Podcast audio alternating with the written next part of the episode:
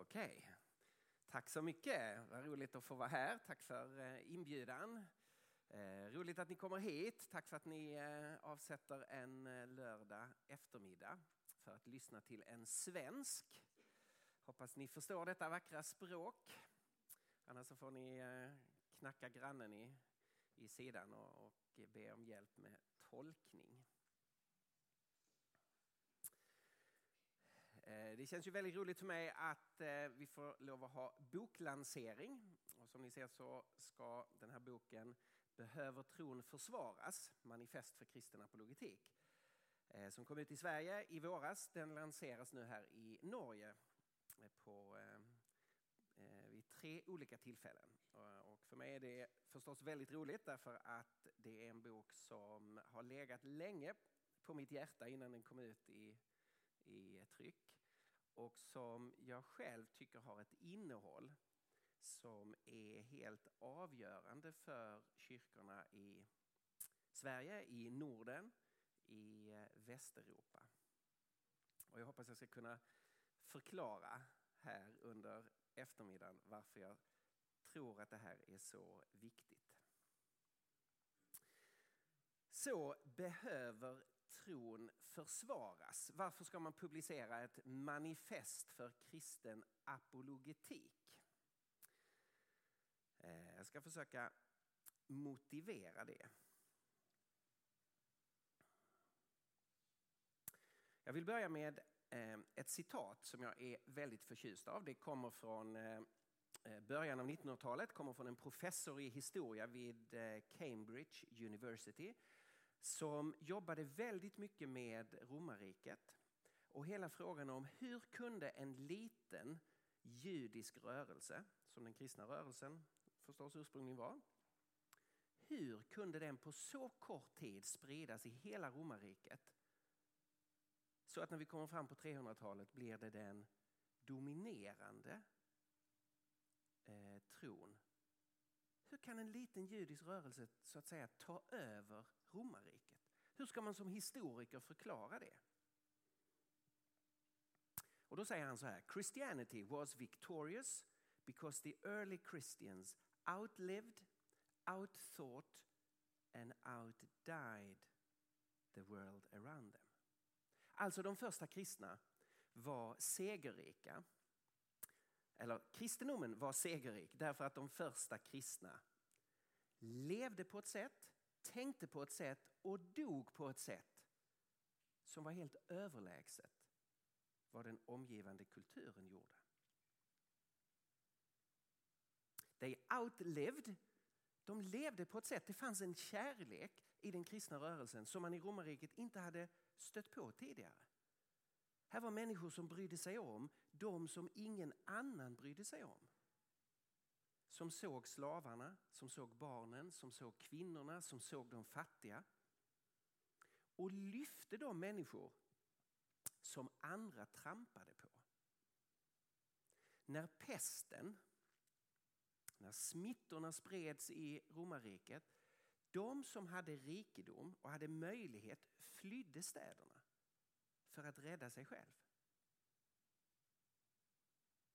Men antikens författare kommenterar de kristna stannade kvar och hjälpte de som var sjuka. De levde för någonting mer än sig själv. Alltså om vi tar ett modernt ord, ja, det är ett, finns, finns i Nya Testamentet, men om vi tar ett annat ord, det handlar ju om diakonin, församlingens kallelse att sträcka sig ut till andra människor och visa Jesu kärlek. Det andra som man lyfter fram är att they outthought Alltså att de tankemässigt, intellektuellt var överlägsna världen omkring dem. Det var inte för att kristna hade högre IQ. IQ är ju jämnt fördelat i mänskligheten, eller hur? Men det handlade om att den tro som de hade var starkare, var sannare och de kristna valde att använda förnuftet för att presentera sin tro. They outthought. Och they outdied. De dog på ett sätt som man inte hade sett tidigare i romarriket. Den romerska myndigheten försökte ju i vågor att förfölja och stoppa de kristna, att använda våld, tortyr och ytterst sett döden för att få stopp på den kristna rörelsen. Och det gick inte. Därför att de kristna dog på ett sätt som man inte hade sett andra dö på. Därför att de levde för någonting större än sitt eget liv. Och därför kan du aldrig stoppa den kristna rörelsen genom våld och förtryck eller död. Därför att de kristna lever inte för sitt eget liv. De lever för någonting större än sig själva. Därför dog de kristna på ett annat sätt än omgivningen. Det handlar om det kristna hoppet. Det jag ska tala om nu, det är förstås ordet i mitten. Outsort. Det som handlar om apologetik. Men jag vill börja med att visa den här bredden. Varför var kristendomen framgångsrik? Det handlade om diakoni, det handlade om apologetik och det handlade om hoppet som bar över alla svårigheter. Ska kristendomen börja växa i Västeuropa igen så behöver vi de här tre. Och inte minst behöver vi det i mitten. To, eh, att de, som de första kristna, to out-thought. They out-thought the world around them. Det är vad apologetik handlar om. Ja, vad är det för någonting då? Apologetik. Det är ett ord som finns i Nya Testamentet. Om du läser noggrant hittar du det 18 gånger. Fast inte i norsk och inte i svensk översättning. Men om du läser det på grekiska så använder Nya Testamentet ordet apologia som är det ordet som vi ligger bakom apologetik. Så det finns på många ställen. Vad betyder det, apologia? Det har sin bakgrund i rättsväsendet. I en grekisk domstol, en domstol i antiken, så var det precis som det är hos oss. Att det läggs fram en anklagelse. Det finns en åklagare som pekar på en viss person och säger det är du som är mördaren. Och här är bevisen som pekar mot att det är du som har mördat Mr X. Så kommer en anklagelse. Det heter på grekiska en kategoria. Men som väl är så slutar inte rättegång med det. Utan sen får ju försvaret träda fram. Och då hade man rätt att lägga fram en apologia, alltså sitt försvar. Nej, det var inte jag som mördade Mr X. Och jag har ett vattentätt alibi. Det finns fem personer som kan intyga att jag vid tidpunkten för mordet befann mig 200 kilometer från mordplatsen. Jag kan bevisa att jag inte är mördaren.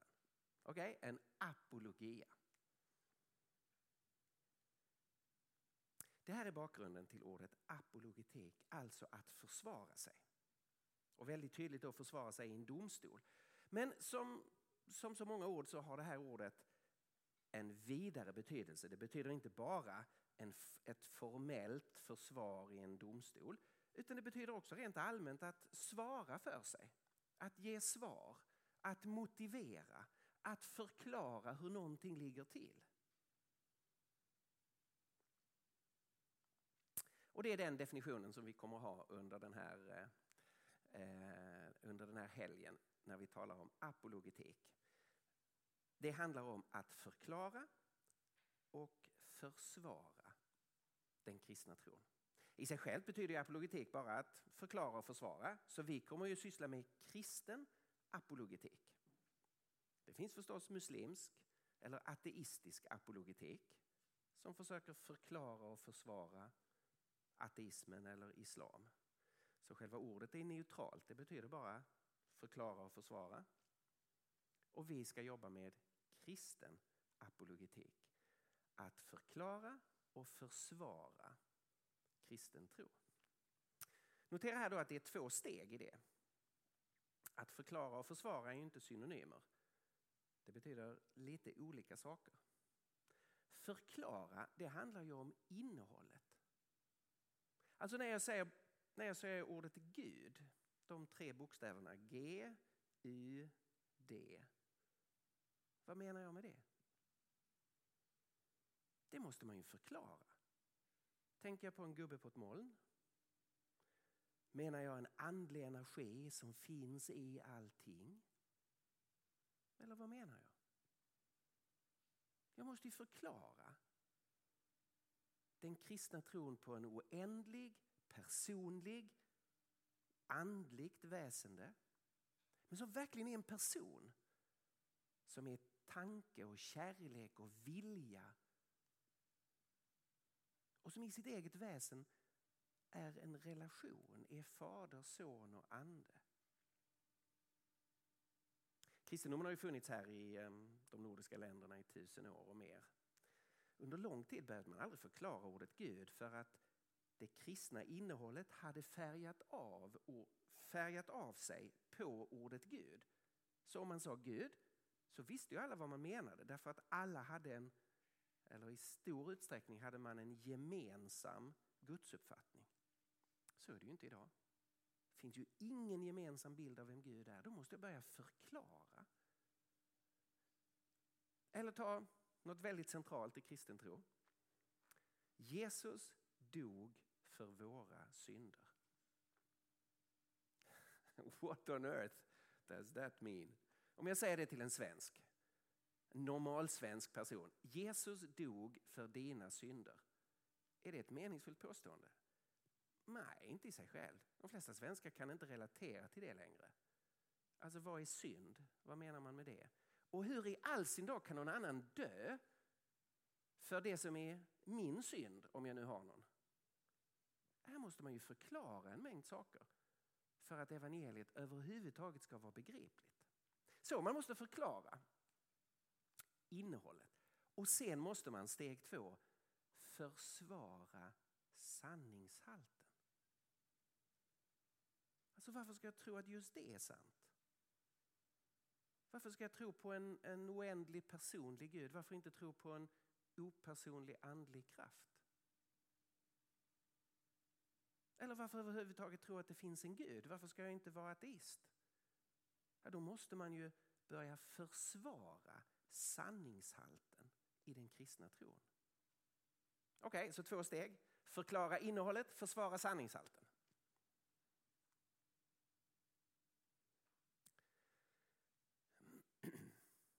Okej, okay, då har vi har jag försökt reda ut själva begreppet här. Alltså, vad betyder apologetik? Men om man då ställer frågan, varför ska vi syssla med det här? Det verkar vara en ganska viktig fråga för det är väldigt få i de nordiska länderna som sysslar med trosförsvar med apologetik. Så varför ska man göra det? Mm, ni ska få tre svar. Varför apologetik?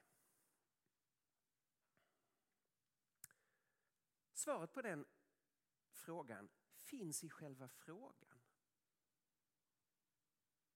Alltså, jag ställer en varför-fråga.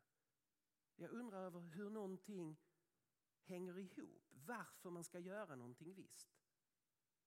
Det där är ju typiskt för oss människor.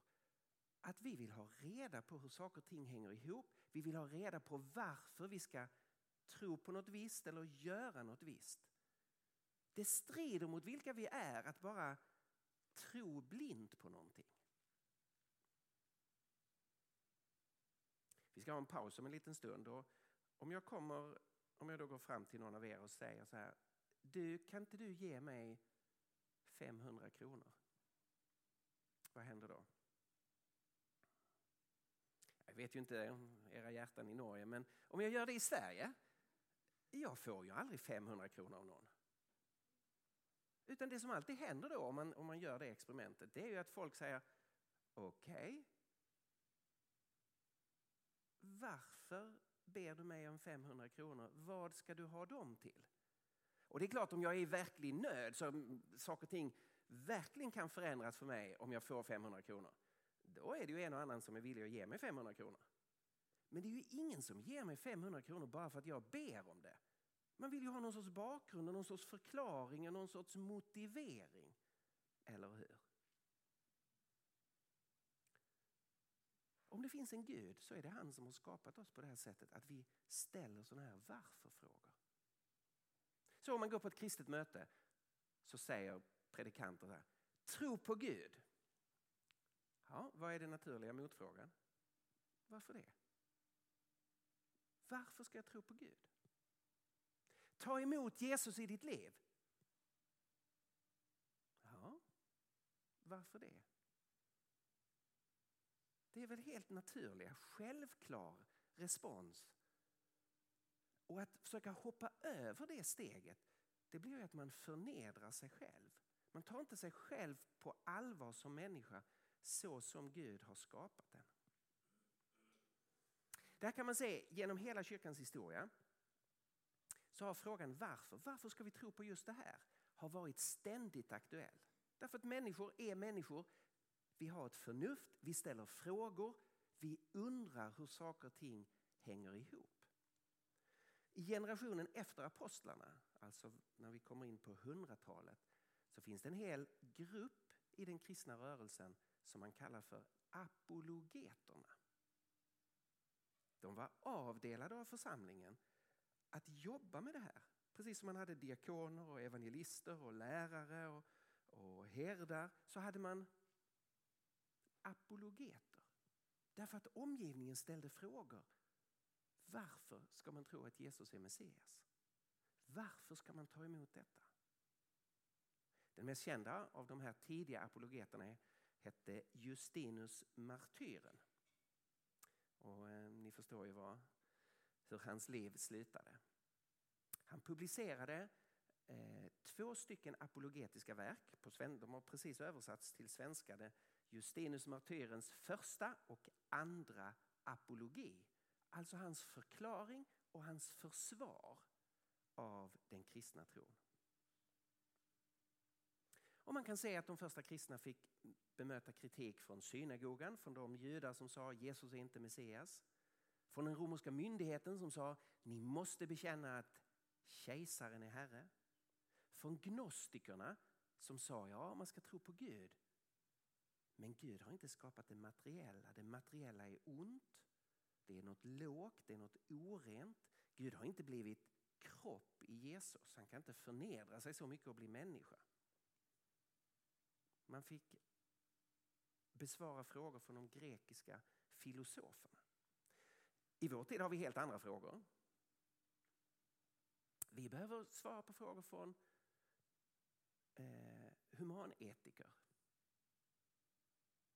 Ateister av olika slag. Från nyandliga personer som är inspirerade av österländsk religiositet. Och nu väldigt snabbt så ökar ju antalet människor som bekänner sig till islam och som ställer väldigt tuffa frågor till oss om det mest centrala i vår tro. Hur kan man tro att Gud är treenig? Ni är ju politister, ni tror på tre olika gudar. Hur kan man tro att Gud har en son? Har ni inte tänkt igenom gudsbegreppet? Gud kan ju inte ha sex och få ett barn. Er bibel är full av fel. Ni har inte kvar originalen. Det vore jättekonstigt om den kristna församlingen inte satte igång och tänka igenom de här frågorna. Vi måste kunna relatera till muslimer som vi har runt omkring oss och på ett meningsfullt sätt dela evangeliet med dem. Okej. Okay. Behovet av apologetik har funnits i alla tider. Hos de första kristna var det väldigt tydligt att man gick in i det här uppdraget. För det andra. Svaret på vår fråga varför apologetik finns i vår tids behov. Alltså om vi tittar konkret på vår kultur som verkligen understryker det behovet av apologetik. Jag gillar den här bilden väldigt mycket. Det är en satellitbild av Europa. Ni ser eh, Europas städer, det är taget nattetid och, och eh, det är de upplysta städerna man ser. Så just nu så befinner vi oss ju eh, här uppe någonstans.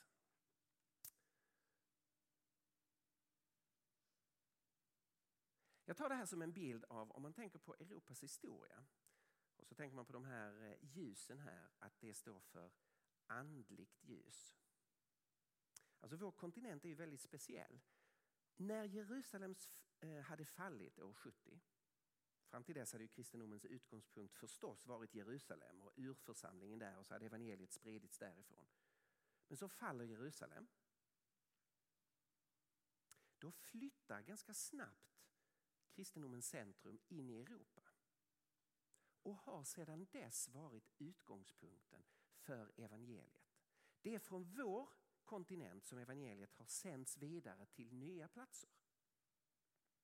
Så det är härifrån som evangeliet har gått ut till Sydamerika där kyrkan idag växer explosionsartat. Det är från vår kontinent som evangeliet i stor utsträckning har gått ut till Afrika och där det söder om Sahara idag växer den kristna kyrkan explosionsartat. Det är ju härifrån som missionärer känns, sänds till Asien, till Kina där den största väckelsen i hela historien pågår just nu och människor upptäcker vem Jesus är.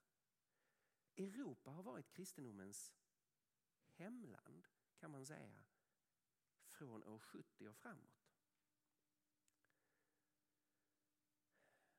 Mycket av andligt liv, om vi tar i de nordiska länderna, går ju tillbaka till starka väckelser på 1700-talet och på 1800-talet och en bit in på 1900-talet.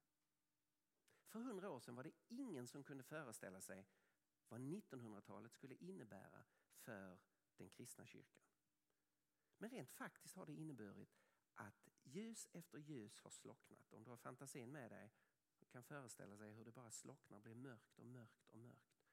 Idag är Europa den sekulära kulturen. Där kyrkorna backar, där evangeliet tappar fart, där vi inte förmår förmedla evangeliet från en generation till nästa generation eller förmedla evangeliet till de som inte har en kristen bakgrund. Och det är samma tendens över hela Europa. Hur har detta skett? Hur har detta gått till? Hur har Europa som under nästan 2000 år var kristendomens hemland här tappar kyrkan fart. Här backar kyrkan. Här lägger vi ner kyrkor. Hur har det gått till? Och på så kort tid, mindre än hundra år.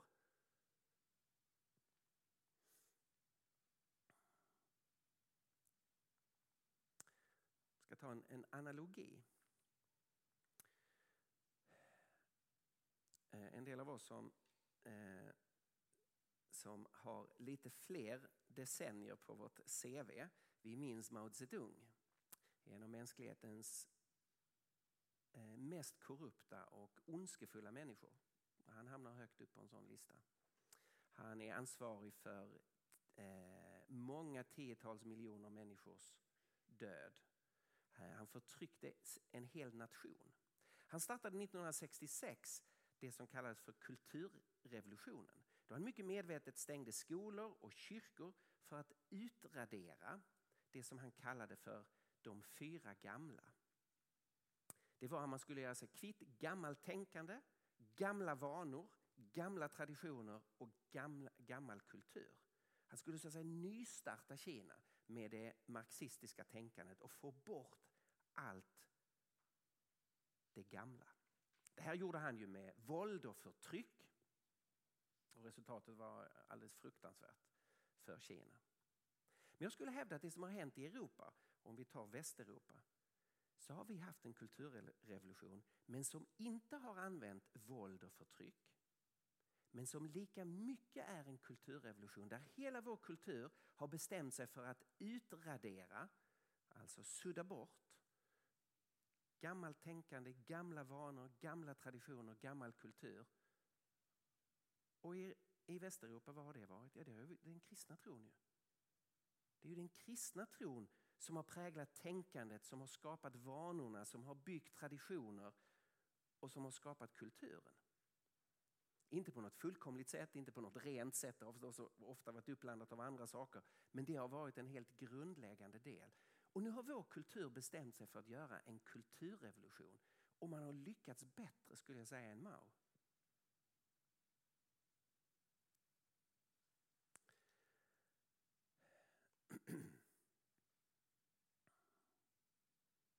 Hur har det gått till? Jag tror det, om man ska förenkla, eh, så är det enklaste sättet är att se det så här. I Europa så har vi hämtat vår näring från två olika rotsystem, två olika källor som vi har hämtat näring ifrån. Det dominerande de senaste 2000 åren har varit kristen tro med sin startpunkt i Jesus från Nasaret, hans död och hans uppståndelse och sen rörelsen som bara väller fram. Som till att börja med är förföljd och förtryckt men som från 300-talet blir först tillåten och sen påbjuden, alltså att du bör vara kristen i romarriket. Och sen präglar eh, vår kontinent. Det är förstås förfallsperioder och förnyelseperioder. Många av oss skulle säga att tiden före reformationen var en förfallsperiod. Reformationen innebar en förnyelseperiod. Starka väckelser på 1700 och 1800-talet som kommer att prägla våra länder. Och om man tittar år 1900 så var kristenheten förhållandevis stark och livskraftig på många platser på vår kontinent. Inte att det var en guldålder, inte att alla var kristna. Det fanns förstås väldigt mycket problem, väldigt många nominella kristna eh, och så. Men förhållandevis en andlig livskraftig situation. Sen har någonting hänt de senaste hundra åren. Det som har hänt är att det andra rotsystemet har tagit över. Det som vi hittar hos de gamla grekerna, nämligen humanismen. Där det inte längre är Gud som är utgångspunkten utan människan. Där det inte är Guds ord som vägleder och inspirerar utan det är människans förnuft. Protagoras är den mest, det mest kända namnet här. Det är han som formulerar människan är alltings mått, alltings målestock eller vad ni säger på norska.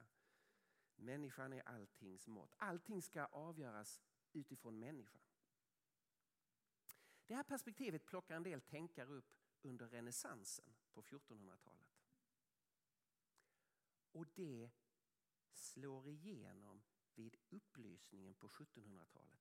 Inte för hela kulturen, men hos de intellektuella, hos filosofer och tänkare och en del konstnärer så byter man nu rotsystem och säger vi ska hämta vår näring från humanismen.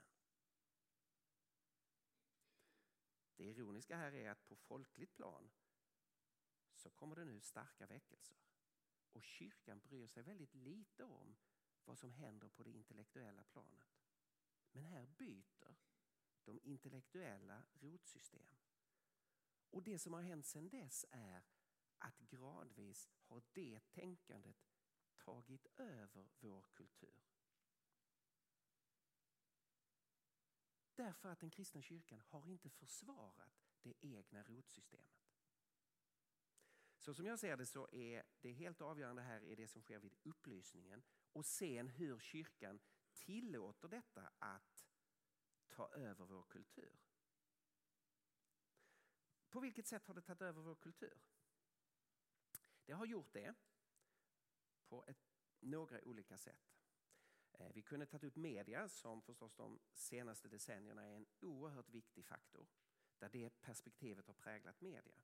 Men jag ska ta upp en annan sak som jag, eh, som jag tillsammans med media tror är väldigt avgörande här och det är utbildningsexplosionen. Alltså eh, hur utbildningsväsendet ser ut. Om jag ger er lite siffror från Sverige bara för att se vilken enorm skillnad det är när det gäller hur stor betydelse utbildning har. Så såg det ut så här. 1938 var det mindre än 4 som gick ut vidaregående, det som vi kallar att ta studenten. 1947 så var det mindre än 5 det hade alltså ökat med 1.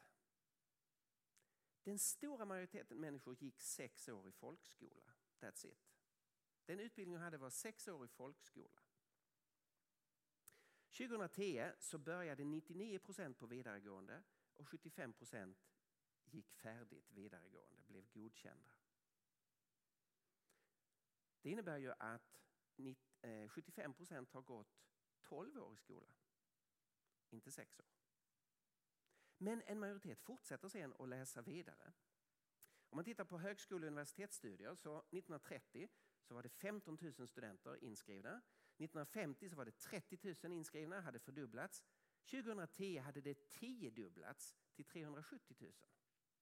Och idag är siffran ännu högre. Det innebär att man läser tre, fyra, fem år till. Det här innebär att man idag går i skolan någonstans mellan, majoriteten går någonstans mellan 15 och 20 år i utbildningssystemet. Nå, är det ett problem? Nej, absolut inte. Vi som kristna gillar utbildning, kunskap, forskning, allt det där hör hemma i den kristna tron. Jag är oerhört positiv till utbildning, så det är inget problem att antalet år i skolan har ökat. Det är bara bra. Men, detta är frågan. Under de här åren, de mest formande åren av en människas liv, från det att du är sex år till du är någonstans mellan 20 och 25 år, så finns man i det här systemet. Och nu kommer frågan. Är det systemet positivt till kristen tro, neutralt till kristen tro eller negativt till kristen tro? Då får ni fundera på situationen i Norge. Jag har frågat tusentals svenskar om detta. Vad är din erfarenhet av utbildningssystemet? Är det positivt till kristen tro, neutralt till kristen tro eller negativt till kristen tro? Responsen är helt överväldigande oavsett om folk är kristna eller inte. Att det är negativt till kristen tro. Det som jag visste från mina egna undersökningar lades fram i en doktorsavhandling vid Göteborgs universitet för ett år sedan. Där en forskare kunde visa väldigt tydligt att lärare och elever talar ofta om religion som något föråldrat och främmande. Alltså det du får höra under 20 år från hela utbildningssystemet är förr trodde vi på Gud, fast det gör vi inte längre nu. För nu har vi vetenskap, nu har vi kunskap. Förr var vi kristna, fast nu räknar vi bara med den här världen. Förr tänkte vi så, men vi moderna människor tänker så här. Och forskaren själv var förvånad över hur detta både uttryckligen och indirekt hela tiden kommunicerades när man talade om livsåskådningar. Det här innebär ju att den som är kristen, den som kommer från en kristen bakgrund, en, familj eller en kristen församling hamnar under en enorm press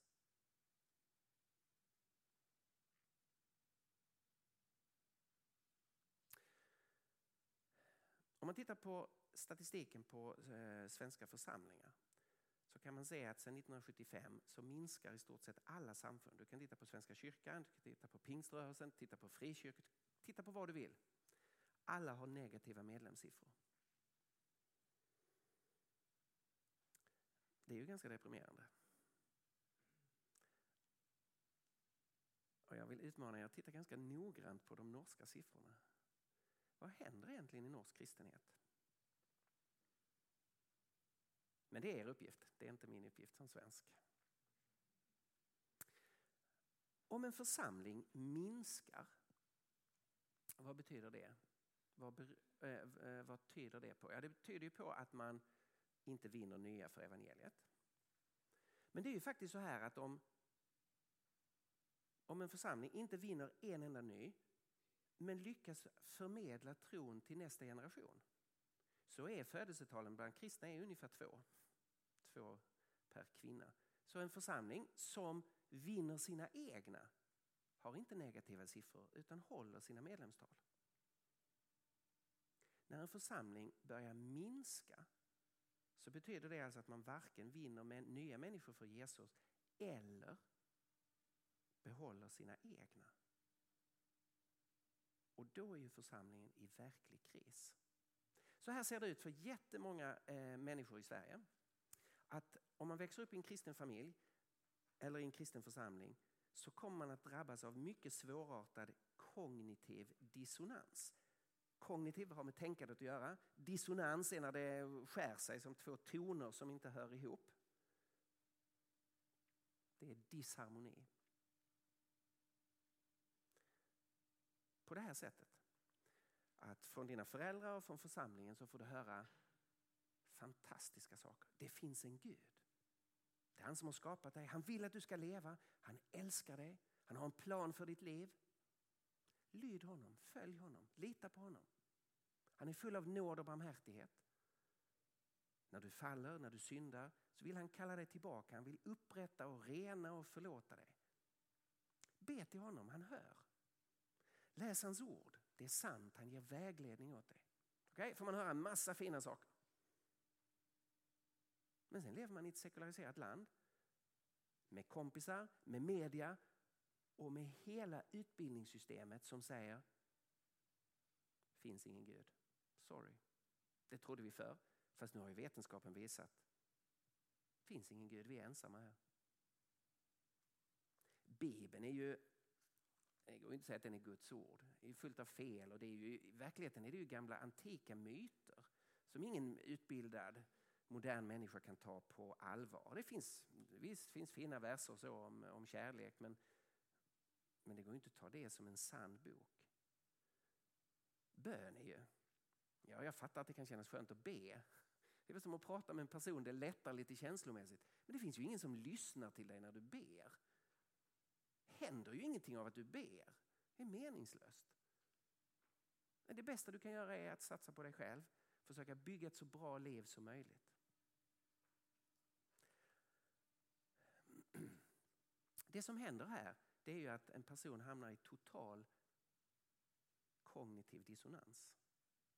Det är som att stå med en fot i en båt och en annan fot i den andra båten. Och så börjar de glida isär.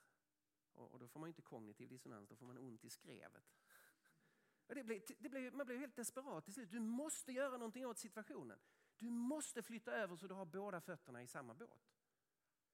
Det som har hänt i Västeuropa det är att kyrkorna har inte hjälpt sina egna att flytta över så man har båda fötterna i kyrkans skepp. Utan massor med människor har ju känt sig så att säga tvingade att flytta över båda fötterna i humanismens, det sekulära skeppet för att inte behöva leva i kognitiv dissonans.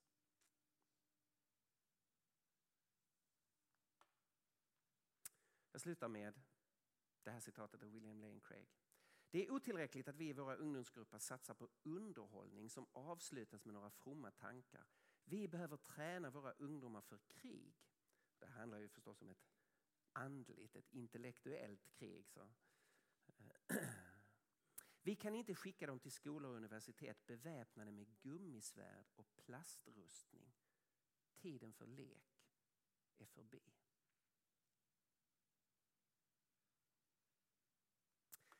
Så varför apologetik? Därför att vi är människor. Vi ska inte förnedra oss själva. Vi ska ställa varför-frågor. Det vill Gud om det är han som har skapat oss. Varför apologetik? Därför att vi lever i en kristendomskritisk kultur och det är en katastrof om församlingen inte börjar ta tag i det här och börjar förklara och försvara den kristna tron. Det är helt obegripligt att västerlandets kristenhet under 1900-talet som har varit utsatt för ständiga tankemässiga attacker har valt att låta apologetiken ligga i träda. Man har inte tagit upp den kallelsen trots att vi blir beskjutna. Vi har så att säga lämnat walk-over i den här matchen. Och så är människor förvånade över att församlingen tappar fart. Hur kan man vara förvånad över det? Okej, okay, det är mina två första svar. Efter ett kort break här så ska vi titta på det tredje svaret. Att svaret på varför vi ska syssla med apologetik finns i Bibeln. Eh, Björn, vad säger du här? Hur lång paus